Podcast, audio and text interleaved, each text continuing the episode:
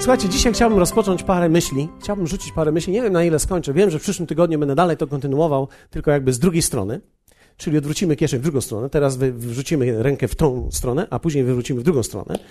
I zobaczymy, jak to wygląda. Ale chciałbym podzielić się z Wami kilkoma myślami, jak pokonać uprzedzenia w sobie. Jak pokonać uprzedzenia w sobie? Wierzę w to, że opinie ludzkie kształtują drogę człowieka. Widzisz, Twoja myśl kształtuje Twoją drogę. Uprzedzenia odgrywają olbrzymią rolę w życiu człowieka. Dlatego, że uprzedzenia, pewna negatywna myśl o czymś albo o kimś sprawia, że ja w tamtą stronę nie idę. I nie pójdę w tamtą stronę. Z uprzedzeniem jest jak z poleceniem komuś czegoś. Kiedy powiemy komuś, słuchaj, byłem ostatnio i jadłem w tamtym miejscu, jest świetna pizza za bardzo nieduże pieniądze. Fantastyczna, wielka, z pół metra średnicy. Wspaniała jest. I wtedy to polecenie działa. Ale można również powiedzieć: nie idź tam, bo tam jest drogo i, i mało. Staniesz drogo i mało i kiepskie.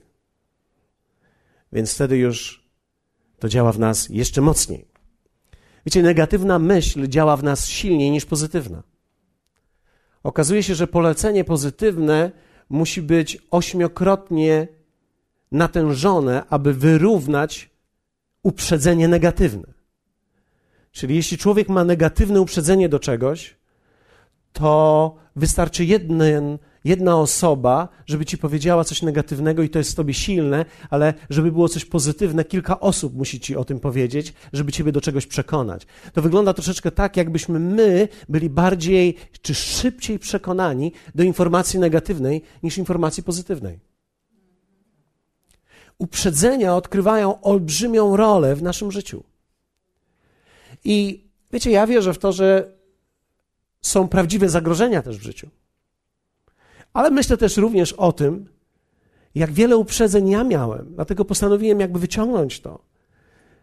Wiecie, ja, ja nie głoszę niczego innego, ja tylko swoje własne problemy, które udało mi się pokonać niektóre.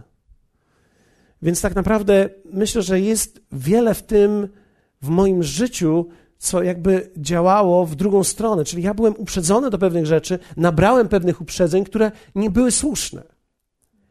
I można tak naprawdę w ten sposób odciąć się od wspaniałych rzeczy, na przykład od wspaniałych ludzi z powodu uprzedzeń. Można nie podejść do wspaniałych grup ludzi z powodu uprzedzeń. Myślę teraz, jak wielu ludzi nigdy nie przyszło tutaj do tego miejsca z powodu uprzedzeń, bo ktoś im powiedział: uważaj, bo. No i tutaj jest lista różną, którą później wymienię. Na wszelki wypadek, tak jakbyście nie znali jej. Ale jest mnóstwo w tym całym obszarze uprzedzeń. I teraz człowiek, który ma pewne uprzedzenia i zdarzy mu się na przykład przyjść, to siedzi jak na szpilkach, sprawdzając, czy to, co słyszał, jest prawdą. I gdy usłyszy coś w przybliżeniu takiego, to nawet kiedy 90% dotyczy zupełnie czegoś innego, on skoncentruje się na tych 10 czy na tych 5% i powie: Rzeczywiście, tak jest. Uprzedzenia są tak silne w nas, że one tworzą pewnego rodzaju poczucie lęku i zagrożenia. My ogólnie jesteśmy społeczeństwem bardzo zalęknionym. Bardzo. Myślę, że jesteśmy bardziej zastraszonym społeczeństwem niż jakiekolwiek inne społeczeństwa, które do tej pory poznałem. Jeśli ktoś jeździ, to widzi, jak bardzo jesteśmy zastraszeni. Czesi już są bardziej odważni, tylko że Czechom nie zależy tak bardzo. Czesi się nie boją tak jak my, ale nie są tak bardzo pobudzeni do życia jak my. Jeśli ktoś z Was, wiecie, ja mam przyjaciół wśród Czechów, więc widzę, jak, jak to funkcjonuje. Pewne społeczeństwa mają swoje cechy. I my jesteśmy bardzo wystraszonym społeczeństwem. My się boimy wszystkiego. A szczególnie, kiedy boimy się rzeczy, które, boimy się rzeczy, które są związane z naszą historią, z naszą tożsamością. Żeby przez przypadek ktoś nie naruszył tego, bo, bo co to będzie teraz? Boimy się bardzo wielu rzeczy, boimy się opinii ludzkich. Co ludzie powiedzą, jak się tak ubiorę? Chociaż tak lubię. Więc nie ubieram się tak, jak lubię, no bo co ludzie powiedzą? Więc względu na lęk robię tak, żeby się czasem nie bać więcej. Bo jak się ubiorę tak, jak lubię, to będę zrelaksowany z powodu wygody, którą mam, ale będę zestresowany cały czas myślą, co inni myślą. W tym czasie, kiedy ja jestem tak ubrany. Wiecie, ktoś z Was może powiedzieć, to jest nic takiego, ale ja powiem Wam, parę miesięcy temu przyszedł do mnie pastor e, i powiedział do mnie tak, wiesz, po nabożeństwie podszedł do mnie jeden z braci szlachetnych i powiedział mi, czy pastor nie wie, że powinien mieć krawat i koszulę w niedzielę? I on tak spojrzał na tego człowieka i powiedział: Nie wiedziałem. Wiecie, pomyślałem sobie, my mamy pewien kod, że to tak powinno wyglądać. I jeśli ktoś nie wygląda według tego kodu, to my atakujemy to, nawet jeśli nie mamy czelności, żeby to powiedzieć, to atakujemy to w naszych myślach. Tak jakby nas to obchodziło. Albo powinno obchodzić, na przykład. Wiecie, pewne rzeczy nas nie powinny obchodzić, ale obchodzą nas. Tworzymy różnego rodzaju opinie i tworzymy różnego rodzaju obszar zainteresowania w nas, który nie jest właściwy. Te uprzedzenia są również budowane przez pewne doświadczenia, dlatego też ważne jest, jakie jest nasze pierwsze doświadczenie z czymś albo z kimś. Kiedy idziesz do jakiegoś sklepu i pierwsze doświadczenie jest straszne, nie masz chęci wrócić z powrotem, ponieważ to doświadczenie tworzyło w tobie uprzedzenie. Tak samo jest z ludźmi. Kiedy z kimś rozmawiasz, albo próbujesz rozmawiać, a ten ktoś nie jest zainteresowany rozmową z tobą, albo w jakiś opryskliwy sposób się do ciebie zwróci, masz uprzedzenie już do tej osoby. Już nie chcesz z tą osobą rozmawiać, a co dopiero jeszcze, że to będzie mój przyjaciel w życiu.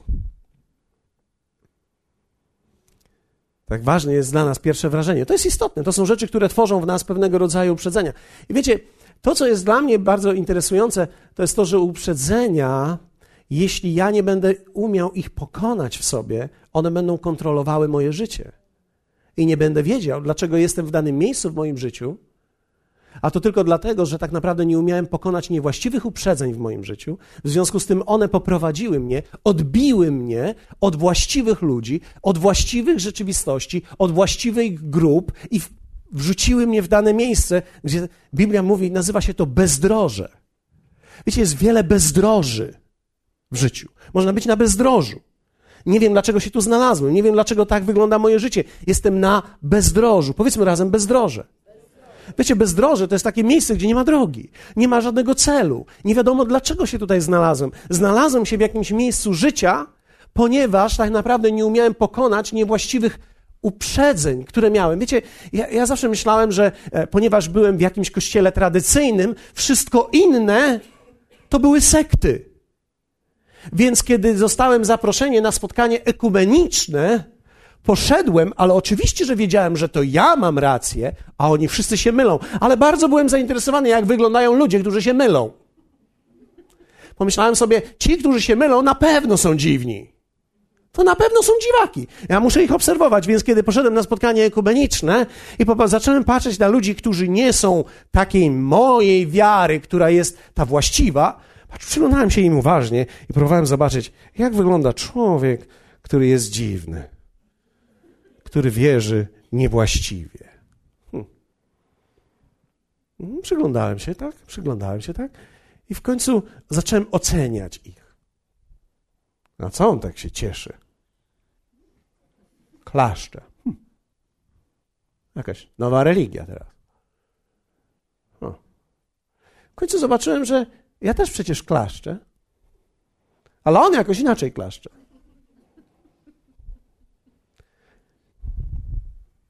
Jest nieprawdopodobne, jak człowiek może być sparaliżowany uprzedzeniami.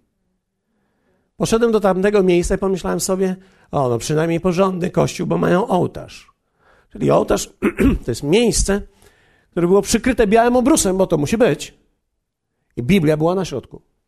Pomyślałem sobie, no, porządny przynajmniej. Pewnie tam to powinni, odprawiają to. Ale okazało się, że ten pastor, który tam był w tamtym kościele, wyszedł z tamtego, za tamtego ołtarza i stanął przed nami. A to było już niebezpieczne. Bo powinien stać tam, za, a on wyszedł przed. Więc mi się wszystko poplątało. Patrzyłem na niego pomyślałem sobie, a czego on ode mnie chce tak blisko? Wiecie, człowiek może być uprzedzony. I, I zamiast słuchać i być skoncentrowanym, byłem zainteresowany tym, gdzie on stoi, a nie co on mówi. Ja go w ogóle nie słyszałem, nie rozumiałem, nie byłem zainteresowany nawet w tym momencie tym, co on mówi. Ja byłem przerażony w sobie i moje lęki balansowały we mnie i tak bujały się we mnie i te uprzedzenia, które były we mnie i że teraz przez przypadek któregoś dnia, żebym przez przypadek czasem, no Boże, no nie uwierzył w to, no. Boże, no, no nie pozwól, żebym w to uwierzył, no Panie Jezu. No bój się Boga, żebym tylko w to nie uwierzył, no żeby oni Przecież to ja mam rację i to ja mam prawdę, ja jestem przecież ten właściwy, a oni nie. Oni mają tą prawdę, tylko niepełną, tak zwaną. A ja mam tą pełną. Hmm. Bardzo ciekawe. Bardzo interesujące. Pewnego dnia, wiecie, pojechałem na jakieś zgromadzenie ludzi charyzmatyków i nie mieli mnie gdzie położyć i położyli mnie z jednym z pastorów. Nie tylko w jednym pokoju, położyli mnie w jednym łóżku. Poszedłem myć zęby do łazienki. To była wtedy jeszcze, wiecie, byliśmy młodzieżą. to była taka, taka sytuacja bardzo trudna, bo ja nie mogłem się już z tego wycofać, więc, więc teraz jeden pokój to już jedno, ale jedno łóżko to już drugie. I teraz umyłem zęby i tak odwróciłem się, spojrzałem na niego i powiedziałem do niego tak: Mam nadzieję, że w ciągu tej nocy nic z ciebie nie przejdzie na mnie. On tak patrzy na mnie i mówi: Mam nadzieję, że przejdzie. Mój Boże, to było już po nocy wtedy. Ja się bałem. Ja sprawdzałem, czy jakiś duch pokorzy nie przechodzi na mnie teraz. Żeby mnie teraz zniszczyć, żeby mnie teraz ukraść mi moją wiarę, żeby ukraść mi moją prawdę, bo przecież on jest ten zły, a ja jestem ten dobry. Byłem tak uprzedzony, byłem tak sparaliżowany, że się tego wystraszyłem. Zajęło to Bogu kilka lat, żeby pokazać mi, że to nie jest tak, że ktoś miał prawdę, a ja, że to ja miałem prawdę, a ktoś nie miał prawdy, tylko że prawda jest w osobie. I że ja potrzebowałem tej osoby. I że to nie jest tak, że obok mnie leży kłamca, a tutaj prawda leży tylko że prawda jest osobą obiektywną, której wszyscy poszukujemy, i on znalazł tą osobę, a ja byłem w jej poszukiwaniu.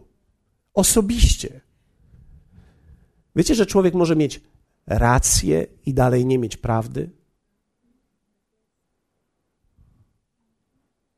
Dlatego, że to wcale nie jest równoznaczne. Ktoś może powiedzieć, a co to ma wspólnego z Biblią? O wiele. Ewangelii Jana w pierwszym rozdziale. Zobaczcie, jak to się miało. 35 werset. Nazajutrz znowu stał Jan z dwoma uczniami swoimi i ujrzawszy Jezusa przychodzącego, przechodzącego, rzekł: Oto baranek Boży. Więc mamy kogoś, kto wskazuje na coś pozytywnego. Oto baranek Boży. Owi dwaj uczniowie, usłyszawszy jego słowa, poszli za Jezusem. Zwróćcie uwagę ktoś rzuca polecenie. Oto jest baranek Boży. I teraz jego własni, własni, uczniowie, zamiast zostać z nim, poszli za Jezusem. Nie zostali z nim. Poszli za Jezusem. Poszli za Jezusem, bo on im powiedział: Oto jest ten. To jest ten. A gdy Jezus się odwrócił i ujrzał, że idą za nim, rzekł do nich: A o co chodzi, panowie? A oni rzekli mu, rabbi. To oznaczało, że określają go teraz, ty jesteś naszym nauczycielem. I zapytali go, gdzie mieszkasz. Rzekł im, pójdźcie, a zobaczycie. Poszli więc i zobaczyli, gdzie mieszka i pozostali u niego w tym dniu. A było tam około dziesiątej godziny. Andrzej, brat Szymona Piotra, był jednym z tych dwóch, którzy to słyszeli od Jana i poszli za nim. Ten spotkał najpierw Szymona, brata swego, i rzekł do niego: Znaleźliśmy Mesjasza. To znaczy Chrystusa. I przyprowadził go do Jezusa. Zobaczcie na tą akcję całą, bo to jest akcja, która jest akcją poleceń. Jan mówi, to jest ten, oni idą za nim, Andrzej jest wśród nich, Andrzej spędza dzień z Jezusem, rozmawia z nim, patrzy, gdzie mieszka, idzie z powrotem, znajduje Piotra, Szymona, swojego brata i mówi, znalazłem Mesjasza. Znalazłem Mesjasza. Piotr mówi, tak? To to idziemy, no to chodź ze mną. I teraz poszli do niego. I teraz Jezus spojrzawszy na Piotra, rzekł, na Szymona powiedział, ty będziesz nazwany Kefas, to znaczy Piotr. Następnego dnia chciał udać się do Galilei i spotkał Filipa i rzekł do niego, pójdź za mną. A Filip był z Betsaidy, miasta Andrzeja i Piotra. A więc, wiecie, to wszystko jest jakby w jednym gronie ludzi, którzy się znają. Filip spotkał natomiast Natana, Natanaela i rzekł do niego: Znaleźliśmy tego, o którym pisał w zakonie Mojżesz, a także prorocy, Jezusa, syna Józefa z Nazaretu. Wtedy Natanael rzekł do niego: Czy z Nazaretu może być coś dobrego? Zwróćcie uwagę, jest pewne uprzedzenie. Nazaret? Niedobrze. I nagle się dowiaduje od Filipa, że z Nazaretu jest Mesjasz. A on tak siedzi i tak, nie może tak być. Nie może z Nazaretu być coś dobrego. I pytano, ale może być coś dobrego z Nazaretu? Więc teraz mamy uprzedzenia, które są w tym i mamy polecenia. Pójdź za nim, ale przecież tu jest, co może być dobrego z Koszalina? Albo na przykład w Białogardzie. Co się może dobrego urodzić w Białogardzie? Albo w Bobolinie. No co się może dobrego urodzić w Bobolinie? No. W Bobolinie się nic tam nie rodzi, bo nie ma tam szpitala, ale pewnie co się może co się mo może zrodzić tam, albo z Sianowa. Ktoś z was jest z Sianowa, prawda? Może ktoś być z Sianowa tutaj. Co może być dobrego z Sianowa? Albo z Radomia. Przyjechali ktoś dzisiaj jest z Radomia. Z Radomia, co może być dobrego w Radomiu? Filip powiedział do niego, pójdź i zobacz. Pójdź i zobacz. Pójdź i zobacz. Czyli jest sposób na uprzedzenie. To jest sprawdź sam. Co ci będę mówił, Zobacz sam. A gdy Jezus ujrzał Natanaela idącego do niego, rzekł o nim: Oto prawdziwy Izraelita, w którym nie ma fałszu. Rzeczy mu Natanael: Skąd mnie znasz? Odpowiedział mu Jezus i rzekł: Zanim cię zawołał Filip, widziałem cię, gdy byłeś pod drzewem figowym. O, o, o, o. Odpowiedział mu Natanael: Mistrzu, ty jesteś synem Bożym. Ty jesteś królem Izraela. Inaczej mówiąc, Jezus powiedział jemu o czymś, co on tylko wiedział, i nagle pomyślał sobie: To jest prorok, on wie wszystko, więc to jest na pewno ten. Doświadczyłem go, więc się przekonałem do niego. Ale dobrze, że nie poszedłem za moim uprzedzeniem pod tytułem: Chwileczkę, przepraszam, czy ty jesteś z Nazaretu? Bo przecież z Nazaretu to nic dobrego nie może być. Więc nie poszedł za uprzedzeniem, poszedł za doświadczeniem. Każdy z nas musi umieć poradzić sobie z uprzedzeniami w życiu. Abyśmy mogli połączyć się z ludźmi, z Kościołem, doświadczyć wspaniałych rzeczy, zobaczyć sami i stać się uczestnikami. Pamiętam, jak rozmawiałem z moim szwagrem, który był w swojej podróży życia w różnych miejscach i czasami nam się wydaje, że kiedy człowiek jest, wiecie, w grupie charyzmatycznej, w kościele, który wszyscy uznają, wtedy tym ludziom będzie łatwiej. Ale im też nie było łatwiej, dlatego że ich pytali, a wy to się gdzie spotykacie? Ano w domu. A w domu to źle. No bo w domu to jest niebezpiecznie. Więc teraz nagle uprzedzenia, które ludzie mają, powodują, że ludzie nie chcą się zaangażować w coś, co wygląda dla nich na niebezpieczne, bo teraz to jest coś niewłaściwego, więc wiecie, mnóstwo uprzedzeń było związanych nawet z ruchem charyzmatycznym. Wiecie, bez pokonania uprzedzeń i żyjąc uprzedzeniami, prawdopodobnie stracimy wiele okazji. Miniemy się z powołaniem i pójdziemy na bezdroża błędu. Myślę teraz o, o osobach, które do nas się dołączyły, które słyszały, będąc w innych miejscach, co tu jest. I wiecie, to jest bardzo trudno, bo czasami każde środowisko ma pewną opinię na dany temat. Więc zawsze się mówi i o kościele, a szczególnie o tym, który robi jakiś hałas, i mówi się o ludziach, o grupie ludzi. Ktoś o tobie też mówi. Ktoś o tobie również tworzy opinię względem tego, jak ty żyjesz, jak funkcjonujesz, może na inną skalę, ale również tworzy opinię. Na przykład, jeśli ktoś pracuje w Anglii, to na pewno jest bogaty. W Anglii to Angole to bogacze tam. I teraz przyjechał z Anglii, to niech stawia nam wszystkim teraz. No bo co? Więc mamy opinię, ale ktoś może pracować w Anglii i może sobie nie radzić w danym momencie czy w danym okresie, bo życie wszędzie jest takie samo. Wiecie, w niektórych miejscach jest trochę łatwiej, ale to wcale nie oznacza, że nam będzie zawsze łatwiej. I myślę o tych ludziach, którzy przyszli tutaj mówiąc: No, słyszeliśmy już te rzeczy, no, straszne rzeczy słyszeliśmy, ale niech tam pójdziemy i zobaczymy. No. Przyszli, zobaczyli i się tacy skupili, skoncentrowali teraz na tym wszystkim, co słyszeli. I sprawdzają. Pierwszy tydzień nie złapali mnie. Drugi tydzień nie złapali mnie. Trzeci tydzień nie złapali mnie. Czwarty tydzień ja się rozluźniłem trochę. Ja zacząłem słuchać. I wiecie, człowiek tak naprawdę wycisza w sobie uprzedzenia,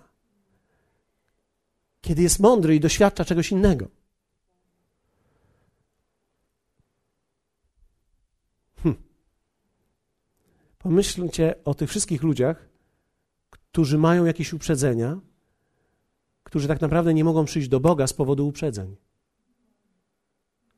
Bo wiecie, nigdy nie chodziło tutaj o Kościół. Zawsze chodzi tutaj o, te, o tą drogę do Niego. Ile uprzedzeń człowiek musi pokonać, żeby z, przyjść do Boga? Musi czasami pójść do miejsca, o którym słyszał źle. Posłuchać kogoś, o którym słyszał dwuznaczne opinie. Spotkać się z kimś, kto być może nie wygląda tak, jak w jego mniemaniu ktoś święty.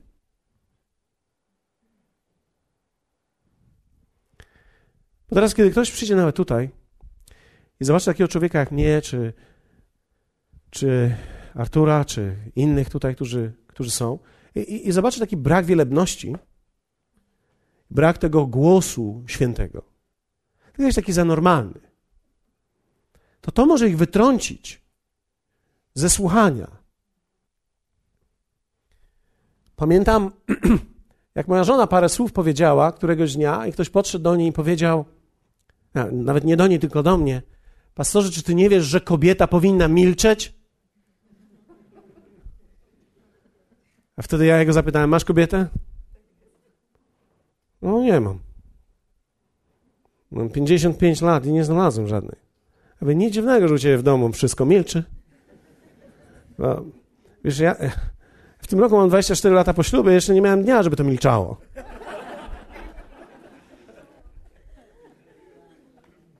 Kobieta niech milczy. To jest niemożliwe, to jest wbrew naturze. Kobieta nawet jak nie rusza ustami, to nie milczy. Ona już obmyśla plan, co powie, jak będzie miała wolną chwilę. To jest niemożliwe, żeby kobieta milczała. Też bo mówi, ale kobieta w zborze niech milczy. Co to znaczy milczy w zborze? Niech się kobiety nie odzywają, to będziemy mieli ciche i martwe nabożeństwa. Jak kobiety nic nie będą robiły i nic nie będą mówiły, to będziemy mieli tak cicho jak na wszystkich męskich spotkaniach. Robimy spotkanie dla mężczyzn? Cisza. Przed, cisza, po. O co chodzi? Powiedz nam. Mówię o co chodzi. No, dzięki, to idziemy do domu. Kobiety, jak przychodzą na spotkanie dla kobiet, trzeba im przerywać, że teraz zaczniemy spotkanie. I one czekają, kiedy się skończy, żeby wejść z powrotem w temat, którym były. Ale wiecie, w tym jest tyle życia, że gdyby nie kobiety, my byśmy byli martwi. Dawno. No parę punktów zebrałem dla kobiet dzisiaj. Pomyślałem sobie, że wiecie, kobieta niech milczy. Facet nie ma żony, nic dziwnego, że mu nic z domu milczy. Kiedyś do niego poszedłem, kury tego gdakają i to nawet w kuchni. Myślałem, a nie jest dobrze. Hallelujah! Uprzedzenia.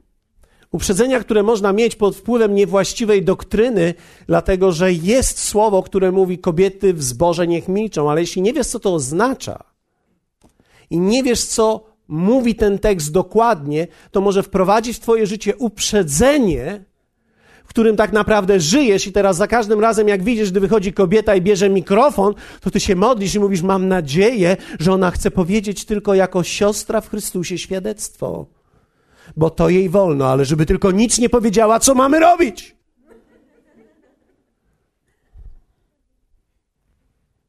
I ci sami, którzy tego pilnują, później idą jak potulne baranki do domu i słuchają tego wszystkiego od tych swoich kobiet i są pod pantoflem od wielu lat.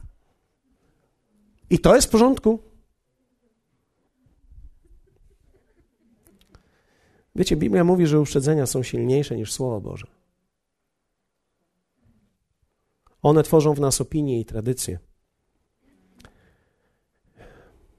Wtedy przystąpili do Jezusa faryzeusze oraz uczeni w piśmie z Jerozolimy, mówiąc: Dlaczego twoi uczniowie przestępują naukę starszych, nie myją bowiem rąk, gdy jedzą? On zaś odpowiadając, rzekł im: A dlaczego to wy przestępujecie przykazanie Boże dla nauki waszej? Inaczej mówiąc, myśmy stworzyli pewien, pewien kod, i wszystko, co jest poza tym kodem, jest naszym uprzedzeniem a wszystko, co się mieści w tym kodzie, to jest prawidłowe. I to, co jest prawidłowe, to jest nasze, to jest zawsze było, tak było zawsze przecież. Więc skoro tak było zawsze, to wszystko, co jest inne, to jest, mam uprzedzenie do tego. Ale widzisz, tak można się cofnąć. W ten sposób wrócimy do kamienia. W ten sposób zatrzymamy rozwój, ponieważ rzeczy, których jeszcze nie było, Bóg chce nam objawić sposoby, w jakich jeszcze nie działał, chce nam objawić. W jakiś sposób człowiek zawsze chce się zabezpieczyć, bo my tworzymy poczucie bezpieczeństwa w tym, co znamy. Więc nie pokonujemy w ten sposób uprzedzenia, tylko budujemy w sobie uprzedzenia. Okazuje się, że pokonanie uprzedzeń będzie jedną z najważniejszych rzeczy w życiu w kierunku rozwoju i przemiany życia. Nie da się myśleć i wierzyć źle i żyć dobrze. Jeszcze raz. Nie da się myśleć źle, wierzyć źle i żyć dobrze. Nie da się. Więc jeśli coś mnie kłuje w życiu, związane jest to z brakiem pewnej prawdy w moim życiu, tak? Bardzo często jest to związane z tym, że nie ja muszę przez to przejść, ale muszę mieć objawienie na dany temat, a ono jest za czymś, czego ja nie znam. Więc jeśli wszystko, czego nie znam, jestem uprzedzony do tego, niestety jestem zamknięty w moim bólu.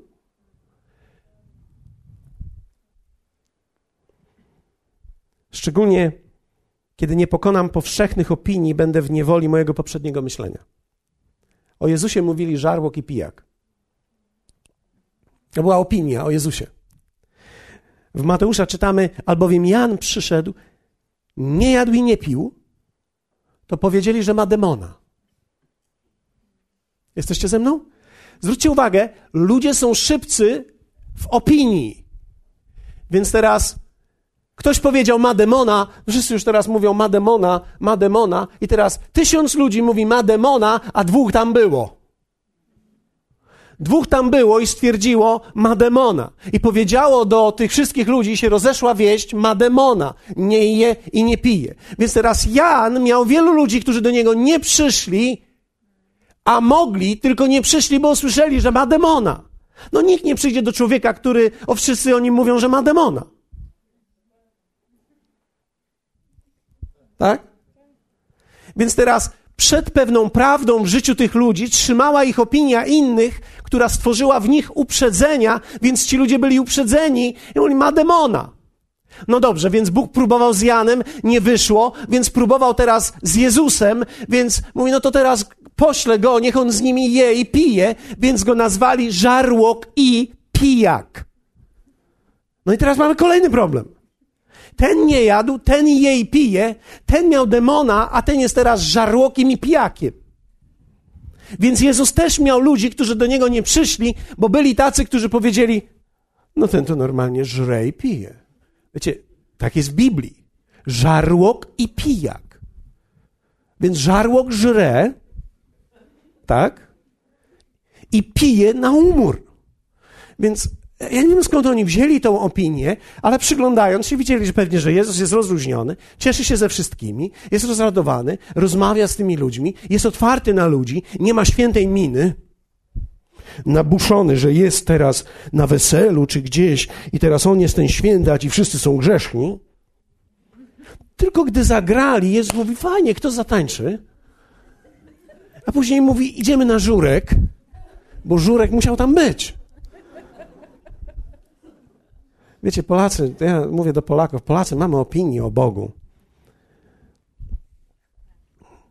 Ja pamiętam, jak ktoś powiedział, że e, powiedział, że Matka Boska była Żydówką. No nie daj Boże! No nie daj Boże, no. Zakopanego przecież jest Mateńka nasza. Żydówką w życiu. Matęga moja nie może być. Żydówką. Wiecie, mamy opinię, uprzedzenia. W naszym kraju mamy również uprzedzenia antysemickie. Żydzi to oszuści są. Sknery oszusty, straszne. Nie umiemy nazwać błogosławieństwa. Kiedy ktoś coś ma, to na pewno jest oszust. Bo nie umiemy sobie w środku z tym poradzić. Więc żeby się usprawiedliwić, dlaczego ja nie mam, a jest dobrze, to ten, co ma, na pewno jest oszust. Już się czuję dobrze. Bo ja nie mam, ale jestem sprawiedliwy. A swój chłop jestem, no. Ale jak ten ma, no na pewno nie jest dobrze. No bo jakby było dobrze? Jakby było dobrze, to by był taki jak ja. Bo przecież ja to cały świat jestem. Cała mądrość. Widzicie, jak działają uprzedzenia? Są straszne. Macie jeszcze chwilę ze mną? Jesteście zainteresowani w ogóle tym tematem? Ja bardzo. Jak wy nie jesteście, to ja pójdę sobie gdzieś indziej. Do ludzi, kto jest zainteresowany. Okej. Okay. A więc ma demona, a tutaj żarłok i pijak. Przyjaciel celników i grzeszników, a więc trzyma się z niewłaściwymi ludźmi. I niektórzy mówili, no znamy przecież jego rodziców i braci. No więc jak znamy ich, no to przecież nie może to być ktoś niezwykły. No bo my ich znamy. Bo przecież niezwykły to jest ktoś, kogoś nie, kogo nie znasz. A jak już kogoś znasz, to nie może być niezwykły. No bo jak niezwykły może być, kogo ty znasz? A przecież ty jesteś zwykły. No więc kogo ty znasz i z twojej rodziny jest, to musi być zwykły. Nie może być niezwykły. Wiecie, mamy strasznie wielki problem z tym. Więc teraz, kiedy ktoś słyszy, że jest świętym w Bogu, przychodzi do domu i żona mówi do męża: Teraz jestem święta. A on mówi: No to koniec już.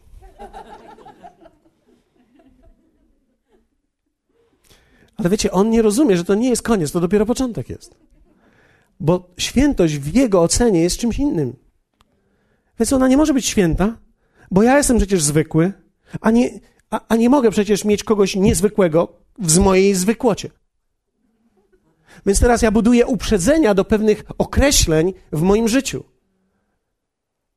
Kiedy, wiecie, człowiek jest uczyniony z gliny takiej melancholijno-wyciszeniowej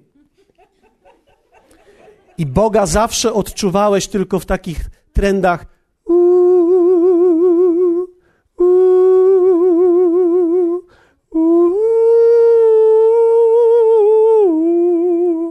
Wtedy ty odpływasz, zamykasz oczka, mrugasz i...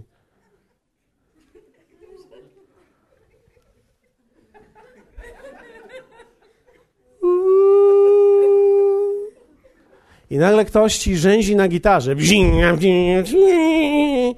No ty stoisz tam sobie, no nie mogę się, no nie mogę się wczuć, nie mogę, no, nie mogę odlecieć. Nie, Jezu. Nie mogę odlecieć. Kiedy oni zagrają, żebym ja odleciał? No ja sam czekam od 20 lat. Bo ja byłem uczyniony z takiej też gliny odleceniowo-odlotowej. Ja słyszę muzykę spokojną, delikatną, płaczę, ryczę, w samolocie siedzę, płaczę, wstydzę się przed ludźmi, patrzą, co się stało. Nic się nie stało, ale ja mam taką duszę, że jak mi tylko rzewnie zagrasz, to ja ryczę. No jak mi rzewnie nie zagrasz, to nie płaczę. Więc teraz jeśli masz z gęsią skórką i z związane swoje doświadczenie Boga, to będziesz uprzedzony do wszystkiego, co tego nie reprezentuje i będzie ci trudno. Nie, jeśli tego nie pokonamy, to będzie nam bardzo trudno wejść w coś, co być może Bóg chce zrobić nowego w nas. My zamknięci będziemy na to, ponieważ tak określiliśmy Boga, tak go widzieliśmy i tak go chcemy teraz. Proszę ja was. O, oh, hallelujah. Dzisiejsze uprzedzenia budowane na powszechnych poglądach. Na przykład, a to nie tylko o tym kościele, a o wielu. W kościele chodzi tylko o pieniądze. Więc człowiek jak przychodzi i teraz słyszy, teraz będzie czas ofiary. I nagle zapala mu się czerwone światełko. O chodzi. Słuchaj uważnie teraz. Wtedy człowiek tak się napina To jest jego postawa wewnętrzna, a ja reprezentuję to na zewnątrz. Ja on próbuje to przetrwać, ale trwa to dłużej niż dwie minuty. I myślisz sobie, Boże, to jest cała wieczność. Ile on jeszcze o tym będzie mówił? Bo widzisz, ty masz napięte wszystko, pośladki, wszystko masz. A w takim napięciu trwanie dłuży się. No nie tak? Dłuży się. To jest tak, jak na coś czekasz. Czekasz na coś i to już powinno być, a tego jeszcze nie ma. Dłuży się, wszystko się dłuży. Sekundy rozciągają się w minuty. Minuty rozciągają się w godziny. I teraz to trwało pięć minut. Dziesięć. Dla ciebie to było całe nabożeństwo. Jedyne o czym mówił, to pieniądze. Aż któregoś dnia może tak być, że Duch Święty cię oświeci i powie ci, że to jest jedyna rzecz, którą ty słyszysz. Bo ona w tobie, gdy jest poruszona, gra do takiej amplitudy, że jest najgłośniejsza.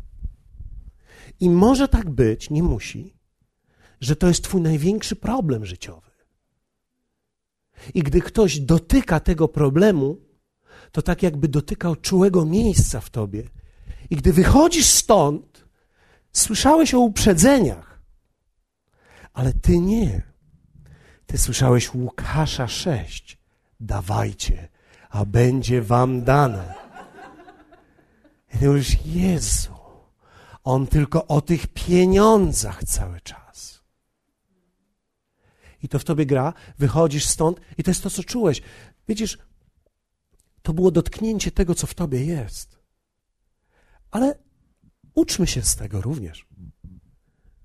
Kiedy ktoś jest po rozwodzie i ja powiem, no i wiecie, rozwodnicy, albo że rozwód to może nie jest wola Boża, ale może to być ostateczność. Teraz ty patrzysz, czy ja w ciebie uderzę, czy nie. Teraz, gdy tylko ruszam ten temat, to ty naraz. Trwa to minutę, a to w tobie godzinę jest, bo to jest twój temat, to jest twoje dotknięcie. Gdy tylko przykład jest w Twoim otoczeniu, może dotyczyć Ciebie. Przecież wiadomo, jak wyglądają i zachowują się kobiety w ciąży. W Tobie nagle, pum, kobieta w ciąży, przecież to ja jestem. O kim on mówił? O mnie mówił. Co on o mnie powiedział? Jak on to powiedział? W jakim tonie to powiedział? Wiecie, czasami człowiek z powodu swoich lęków nabiera pewnych uprzedzeń, dotyka go to mocniej. Czujesz to bardziej. Ha! Moje uprzedzenia. Pamiętam, jak ktoś mi powiedział, tylko nie słuchaj tych amerykańskich kaznodziejów. Więc jak tylko spojrzałem na amerykańskiego kaznodzieję, to od razu miałem do niego wstręt. A w ogóle mnie denerwowało to, że oni są tacy luzacy. A, trochę arogancji w tym, takiej amerykańskiej, wiecie. Tak myślałem, no być tak skromniej troszkę, jakoś jak Polak, normalnie. Jak, no przecież jak Polak to jest normalnie, pamiętacie, nie? Być tak trochę skromniej. Nie tak błyszczysz tutaj, jak a któryś z nich miał takiego bryloka tutaj złotego, Sobie myślę, a ty po co żeś to włożył? Żeby mnie teraz po oczach bić tutaj, tłuc i pokazać, jaki ty jesteś bogaty? No, ty wstrętny Amerykaninie wychowany na dolarach. Wiecie, my nie chcemy się przyznać, ale w nas jest Kargul z jednej strony i, i Pawlak z drugiej. Jak pojechali do Ameryki. To jest nasza polska dusza, my tak reagujemy. Patrzymy na konia, którego wiozą i mówimy, Boże, tutaj nawet konie do więzienia biorą. Boże, wracamy. Kaźmisz, wracamy. Wiecie, uprzedzenia, które ma człowiek, są nieprawdopodobne. I w tych uprzedzeniach można żyć, w uprzedzeniach można umrzeć. Myślę sobie, co by było, gdybym nie zaryzykował i nie spał z tym pastorem. Proszę mnie dobrze zrozumieć teraz, nie przewijać płyty, kasety w drugą. Co by było, gdybym. Myślę sobie, co by było, gdybym nie pojechał i nie poszedł na spotkanie ekumeniczne i nie zobaczył, że ludzie, którzy wierzą w Boga, a którzy nie są z mojej prawdy, też są normalni. I że mało, że są normalni, są naprawdę normalni, nawet nie też. tak jakby to, że są normalni, było dziwne.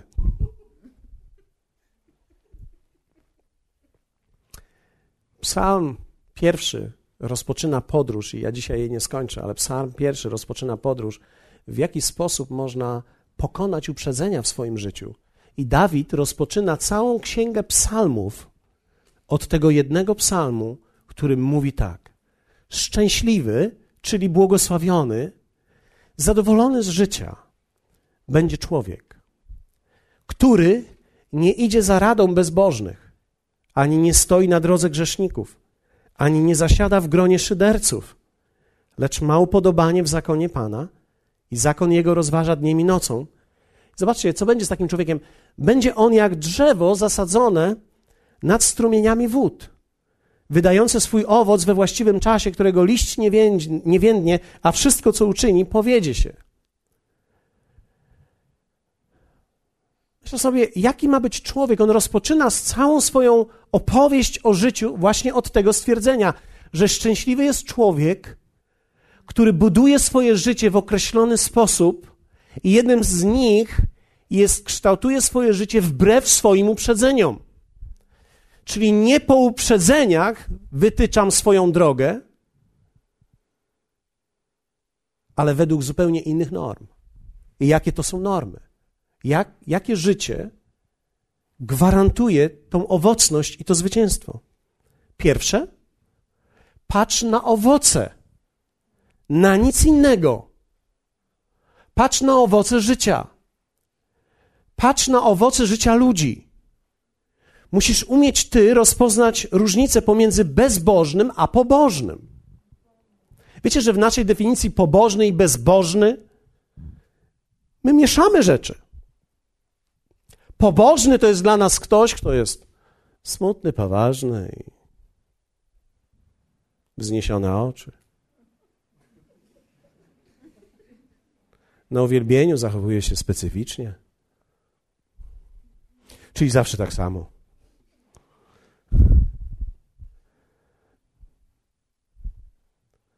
Pobożny to jest, ma pewne, pewne znaki szczególne pobożności, więc ma garnitur, krawat i na pewno białą koszulę. Nie może być pobożny w różu. Nie może. Nie może być. W różu są bezbożni. W żółci bezbożni są. Czerwony kolor też bezbożnych jest. Granatowy, stonowany to pobożni są. O, proszę. Niebieska koszula to jest dopiero szlachetność. Więc patrzymy czasami na kogoś i określamy od razu pobożny. Ta się nie maluje. Na pewno jest pobożna. Może nie ma czasu.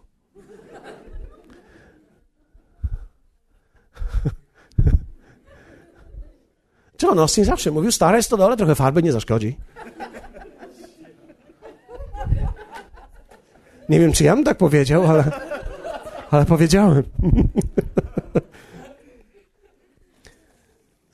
Wiecie, ludzie w Twoim życiu, którzy będą mieli najgłośniejszy głos w Tobie, staną się Twoją drogą.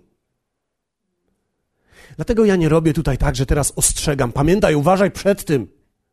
I teraz uważaj jeszcze przed tymi. Nie. Wiecie, to jest tak jak z dziećmi. Nie mogę teraz za Oliwią jeździć wszędzie i sprawdzać, z kim ona się spotyka.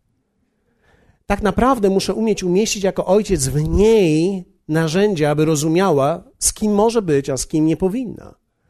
Ponieważ nie da się ludzi ani dzieci ochronić przez zewnętrzne stosowanie technik. Typu nie chodźcie tylko tam. Chcesz, to idź. Miej rozum. Mam nadzieję, że masz.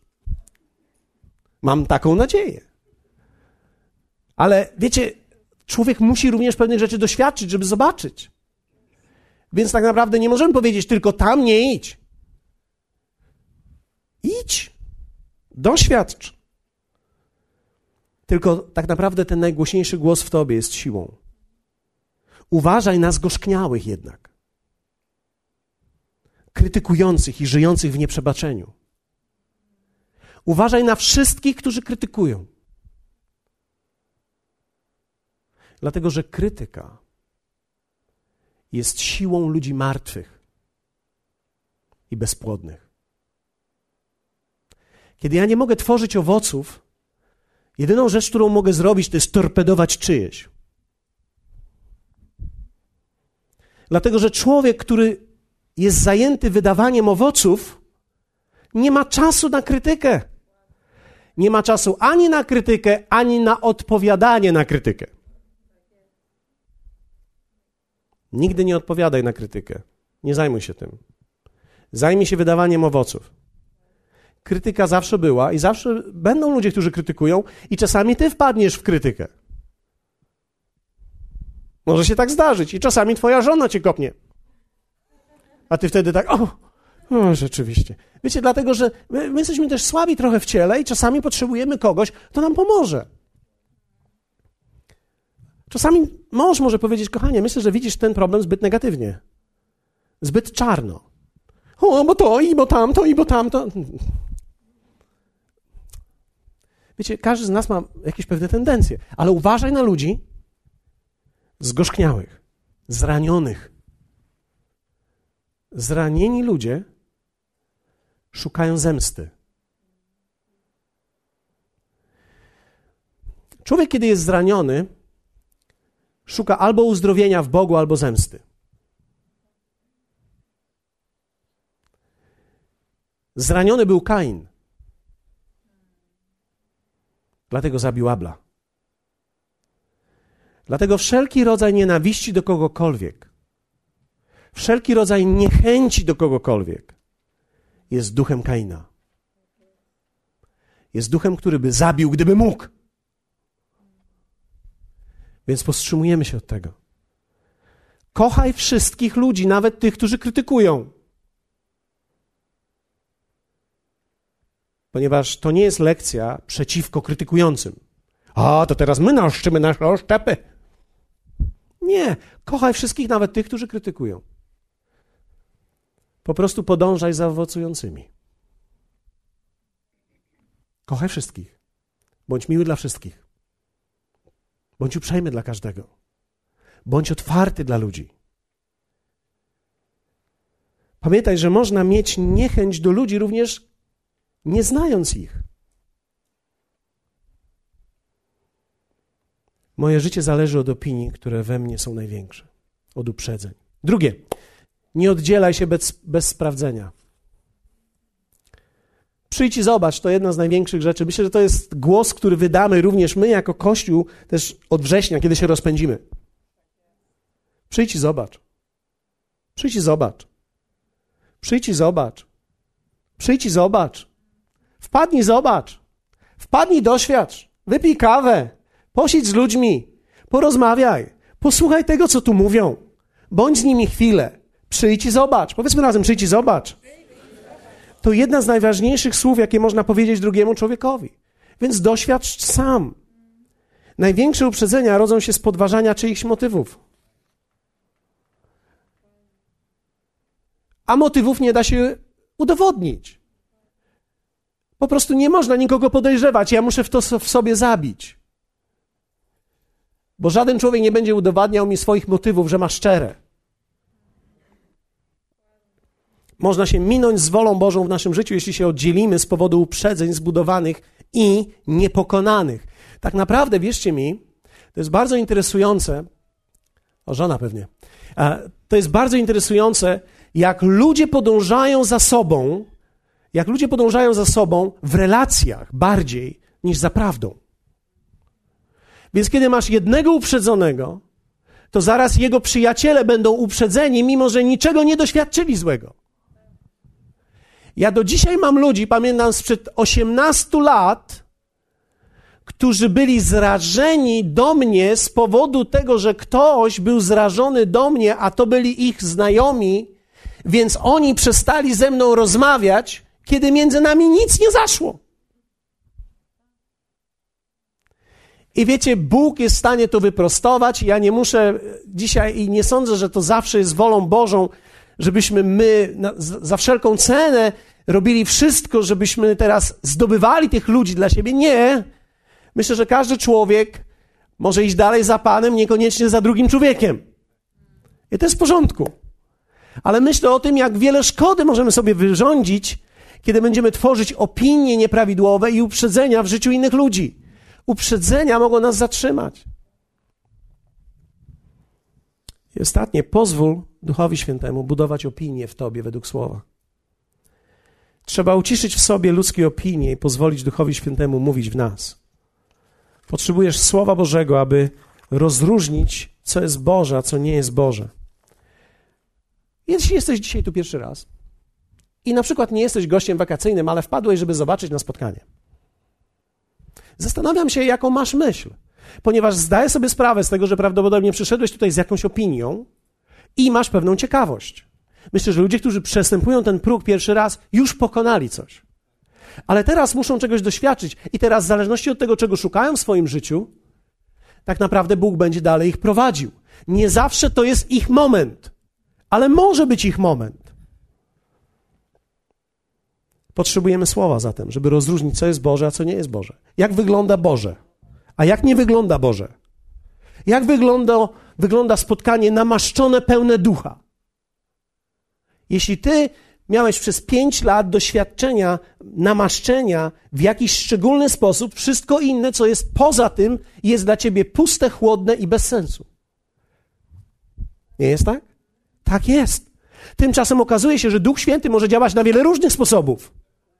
Ludzie mogą padać pod mocą, ale niekoniecznie muszą padać, żeby doświadczyć ducha mogą doświadczyć przemiany. Wiecie, ja zwróciłem uwagę, że jedna mała przemiana w charakterze życia człowieka czasami jest większa niż jakiś cud uzdrowienia.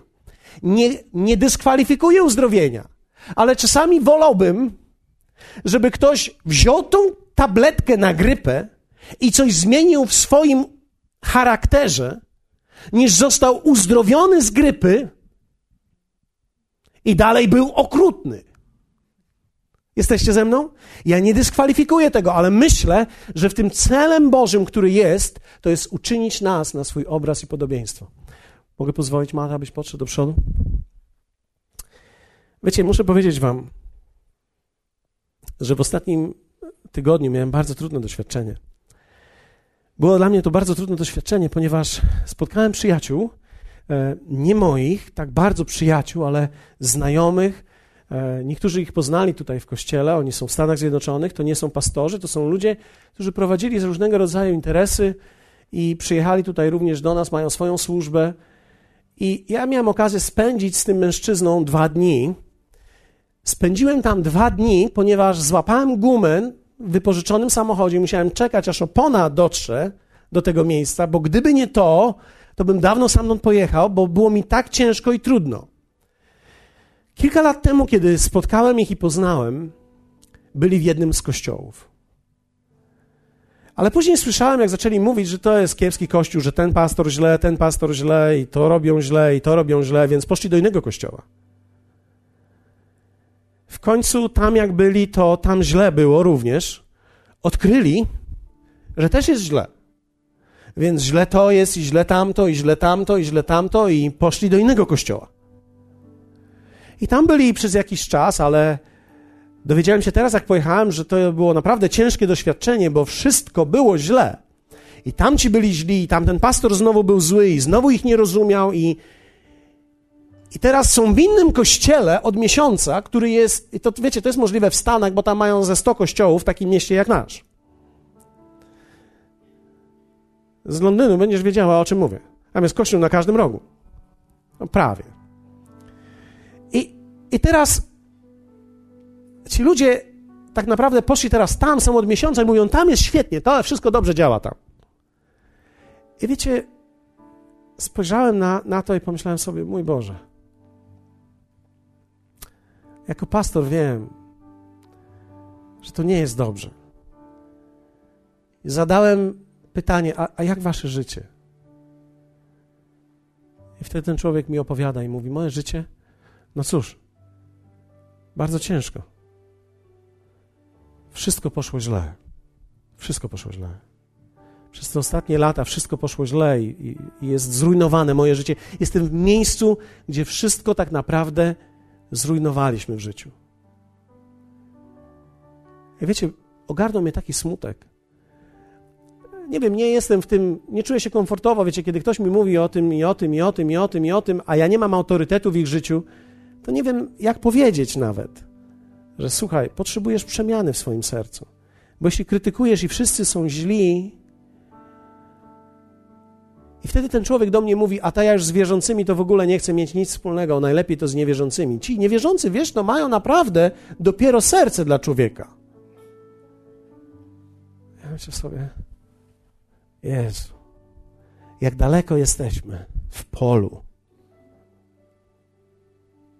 Kiedy Dawid mówi, uradowałem się, gdy mi powiedziano, pójdziemy do kościoła.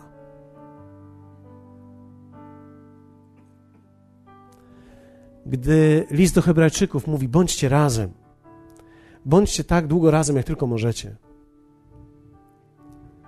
Wiecie, w kościele można mieć różne postawy. Można mieć postawę typu, no ciekawe kiedy skończyć, ciekawe kiedy skończyć, ciekawe kiedy skończyć, już jeny, tak, tak przedłuża, już i tak przedłuża. I można mieć inną postawę, jeny, żeby to się nigdy nie skończyło. Ponieważ jestem w czymś, co Bóg robi, jestem w czymś, co jest Boże, chciałbym w tym być, czuję się jak w domu, czuję, że odpoczywam, czuję, że jestem w tym, czuję, że to jest moje życie. I myślę, że to jest kwestia pewnych postaw, które są kształtowane w nas. I wiecie, dzisiaj chciałbym, żebyśmy się modlili. I żebyśmy powstali teraz, i abyśmy się modlili. Aby Duch Święty pomógł nam nie budować naszego życia w, poprzez uprzedzenia, które mamy, ale żeby poprowadził nas ku sobie, ku pewnym prawdom, ku rzeczom, które On chce w nas dokonać. Wiecie, jestem przekonany, że Duch Święty chce zrobić coś w Twoim szczególnie życiu. Ja nie wiem co dokładnie w Tobie czyni. Myślę, że jest nas zbyt wiele, żebyśmy my doświadczali tego samego. Każdy z nas jest w innym miejscu życia. I Ty jesteś dzisiaj w jakimś miejscu. Ale jedną z najgorszych rzeczy, którą możesz zrobić, to jest podążyć w swoim życiu poprzez uprzedzenia. I z powodu uprzedzeń odsunąć się, oddzielić od ludzi i nie być z nimi. Z powodu uprzedzeń nie przyglądając się ich owocności, nie przyglądając się temu, co Bóg mówi w Twoim sercu, można się oddzielić. Tak jak wielu ludzi oddzieliło się od Jezusa, bo powiedzieli, znamy Jego rodzinę, a niektórzy powiedzieli, to żarłok i pijak, a niektórzy powiedzieli, o Janie ma demona, więc też do Niego nie poszli. Więc pod wpływem tych uprzedzeń i tych opinii zatrzymali swoje życie. Wiecie, Biblia mówi o życiu ludzi, którzy za Jezusem poszli, ale nie mówi nic o życiu tych, którzy z powodu opinii i uprzedzeń nigdy nie poszli za nim. I prawdopodobnie Biblia nic na ten temat nie mówi, bo nie ma o czym mówić. A ja wierzę w to, że o Twoim życiu warto będzie opowiadać. Wierzę w to, że Bóg prowadził Ciebie do tego miejsca, aby było warto o tym życiu mówić. I myślę, że gdyby słowo było dalej pisane, byłbyś w tej księdze. Modlę się, aby życie nasze miało znaczenie, nawet jeśli nie historyczne dla kogoś, to historyczne dla nas, dla naszych dzieci, dla naszych domów, dla naszych przyjaciół. I wierzę w to, że Duch Święty musiał pokonać mnóstwo uprzedzeń we mnie, które miałem. Ktoś nastawił mnie do kościołów innych i ja nie mogłem przejść tego. Zajęło to Bogu kilka lat, żeby odwiedzić inny kościół. Ktoś nastawił mnie przeciwko jakiemuś kaznodziei i zajęło mi to wiele lat, żeby pokonać moje uprzedzenia względem niego. I to nie jest nienormalne, to jest naturalne i to się robi i dzieje się dzisiaj w kościołach i w ogóle w całym świecie. Żyjemy pod wpływem uprzedzeń. I Bóg chce poprowadzić nas ku swojej prawdzie. Jak wielu z Was czuje, że potrzebujesz budować swoje życie i chciałbyś budować swoje życie względem owocności, a nie względem uprzedzenia do jakiegoś człowieka. Czasami ktoś wygląda nie tak, jak ja bym chciał. Ubrał się tak, jak ja bym się nie ubrał. A jednak Bóg ma coś dla mnie w tym człowieku. A ja pod wpływem moich zewnętrznych uprzedzeń nie chcę z nim być. Wierzę w to, że Duch Święty będzie nas prowadził w tym. Ja potrzebuję Go w tym. Potrzebuję Go w tym. Pamiętam, jak Bóg przyprowadził tutaj pastorów, adwentystów dnia siódmego. Oni mają swoje spotkania w soboty, a my w niedzielę, więc korzystają i wpadają w niedzielę.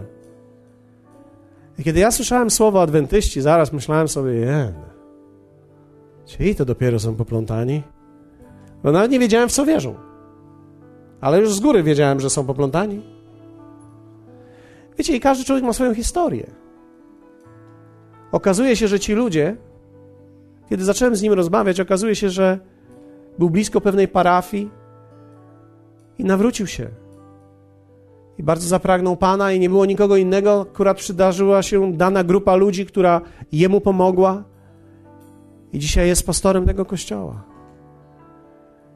I wiecie, to, co nas dzisiaj łączy, jest większe niż to, co nas dzieli.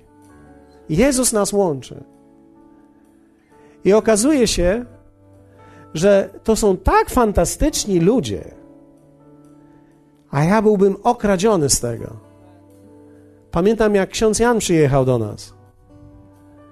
Przyjechał ksiądz, ja. Większy dla mnie był ksiądz niż Jan.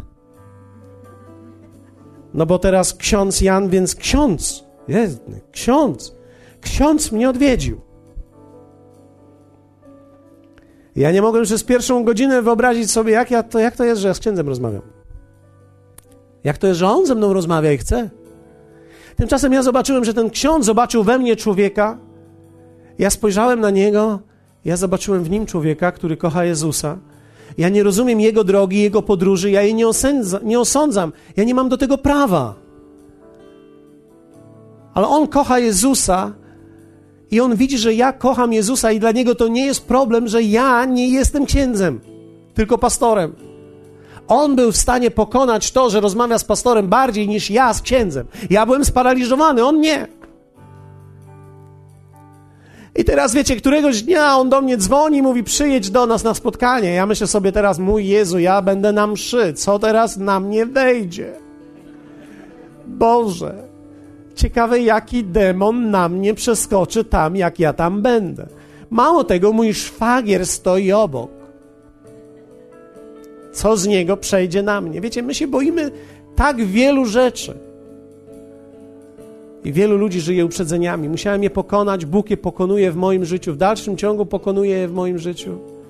Ja dziękuję Mu za to. I widziałem tą prawdę jako ważną, więc wierzę w to, że to jest ważne.